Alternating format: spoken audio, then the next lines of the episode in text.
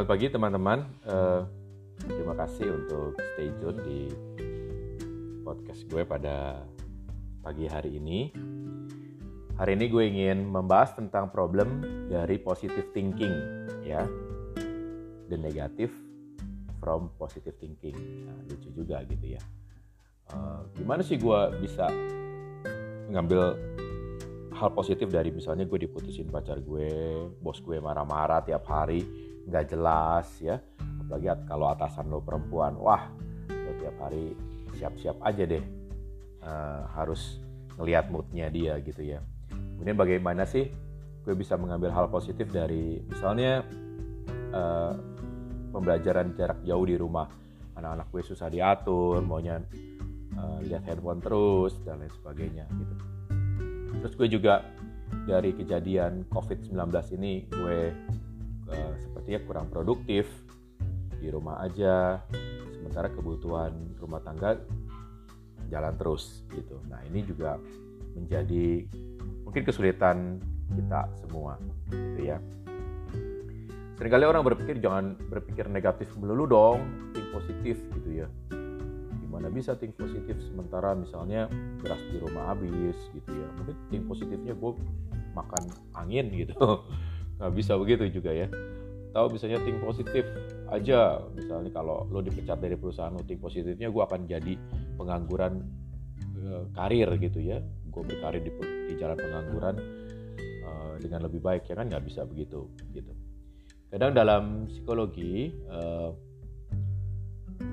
dalam artikelnya The Problem with Positive Thinking menyebutkan bahwa justru positive thinking uh, menghambat kita dalam uh, bekerja atau berusaha karena apa? Karena dalam positive thinking kita selalu uh, dibiaskan bahwa kita tuh sudah mencapai sesuatu yang sudah kita impikan atau kita uh, yakini bahwa kita sudah mendapatkannya. Itu juga uh, pola pikir yang menipu sehingga seolah-olah kita tidak perlu lagi berusaha untuk mencapai hal itu. Kadang dalam sekolah juga siswa-siswa tertentu juga mengalami hal-hal seperti itu. Positive thinking untuk pembelajaran bahwa dia bisa sehingga dia membuat dia tidak belajar, kemudian uh, malah hasilnya tambah buruk gitu ya. Waktu belajar, eh, gue pernah punya pengalaman dulu di SMA, gurunya sangat baik mengajarkan sampai gue sendiri merasa nggak perlu mencatat karena gue bisa.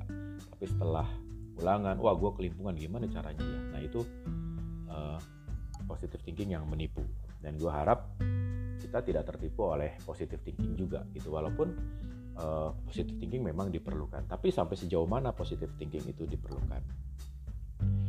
Balik lagi ke filsafat stoa bahwa ada hal-hal yang bisa lo atau kita lakukan. Misalnya kita mau uh, presentasi produk kita di depan customer gitu ya.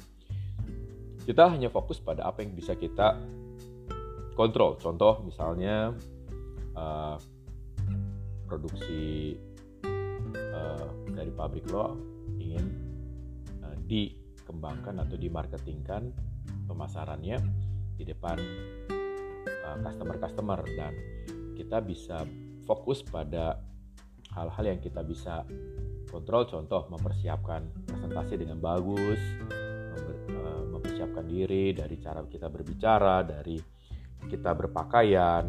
Mungkin juga lo tadinya mungkin nggak pernah pakai parfum ya lo beli parfum lah dikit modal gitu ya. Jangan bau ketek gitu ya sehingga uh, pendengar lo ilfeel melihat ketek lo basah. Nah ini juga uh, kita fokus pada hal-hal yang bisa kita kontrol. Tapi kita juga nggak bisa uh, berusaha mengontrol apa yang orang lain pikirkan tentang kita. Gitu ya, contoh tentang mungkin packaging kualitas barang kita gitu ya kemudian persepsi kita terhadap ya, persepsi mereka terhadap kita gitu ya dari penampilan kita itu juga nggak bisa kita kontrol. Kita hanya bisa mempersiapkannya gitu. Jadi maksud dari filsafat stoa ini adalah uh, kita bisa mengontrol hal-hal yang kita kontrol tapi kita tidak bisa mengontrol hal-hal tertentu yang memang di luar jangkauan kita. Nah, untuk hal-hal yang bisa kita kontrol, yang kita kontrol, kita bisa mempersiapkannya dengan baik, gitu. Jadi jangan asal-asalan. Contoh misalnya uh, mau sidang skripsi, ya kita per persiapannya dengan baik. Contoh bangun pagi, makan makanan yang bergizi ya doa kemudian pergi uh, tidak terlambat kemudian duduk mempersiapkan diri membaca kembali dan itu yang bisa uh, kita kontrol yang nggak bisa kita kontrol mungkin dosen yang lagi bete gitu ya kemudian dosen yang lagi mungkin berantem sama istrinya atau sama suaminya sehingga dia uh, membawa hal itu membawa perasaan itu dari rumah ke ruang sidang. Kemudian apalagi yang nggak bisa kita kontrol? Misalnya proyektor yang rusak di tengah-tengah.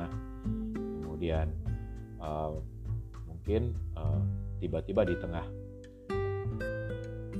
sidang itu sidang skripsi itu di mereka sakit perut ya pusing kepala dan lain sebagainya tapi yang bisa kita kontrol kita kontrol gitu ya tapi kita harus menyadari bahwa banyak hal yang kita tidak bisa kontrol dan sering kali positive thinking menjadi jebakan dalam sikap mental kita terhadap sesuatu. Gitu. Gue juga pernah kuliah uh, di satu fakultas ya, tapi karena gue merasa gue bisa, gue sering kali uh, mengabaikan belajar ya, sehingga memang nilainya tidak terlalu uh, baik. Ini juga uh, jadi pembelajaran buat kita lebih baik. Kita merasa selalu merasa kosong.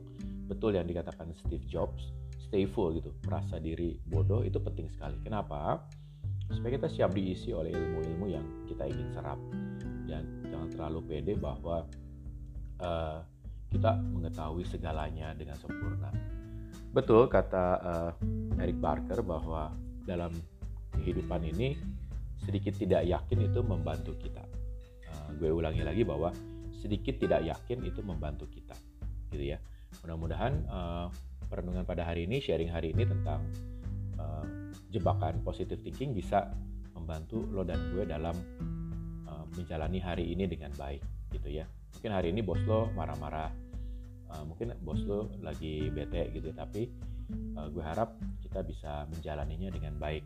Kenapa? Karena kita hanya bisa mengontrol apa yang kita kontrol. Selamat pagi, tetap semangat.